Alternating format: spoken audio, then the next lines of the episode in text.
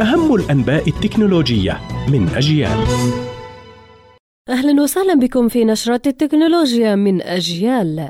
شركة أبل تواصل عملية مسح المدن الفلسطينية لدعم خدمة Look Around التي تتيح التجوال الافتراضي في المدن بمناظر بانورامية. وأعلنت بلدية نابلس أن مركبات شركة أبل ستشرع بالتجوال والتقاط الصور للمدينة بإشراف وزارة الاتصالات وتكنولوجيا المعلومات منتصف الأسبوع الجاري.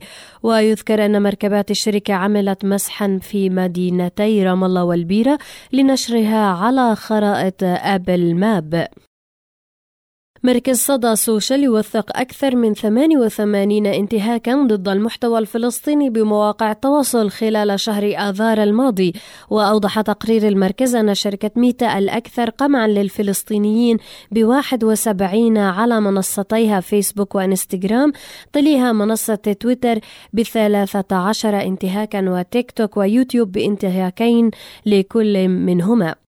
ولفتت إلى أن استهداف المحتوى الفلسطيني تنوع بين حذف الصفحات والحسابات الشخصية والمنشورات والتقييدات وحذف المضامين ومنع البث المباشر. وفي المقابل رصد مركز صدى سوشيال أكثر من 21 منشورا احتوى على خطاب كراهية وتحريض ضد الفلسطينيين. وفي نشرة التكنولوجيا من أجيال أيضا آيلون ماسك مالك تويتر يقول في معرض دفاعه عن قراره المثير للجدل بفرض بدل مالي على المستخدمين الراغبين بتوثيق حساباتهم.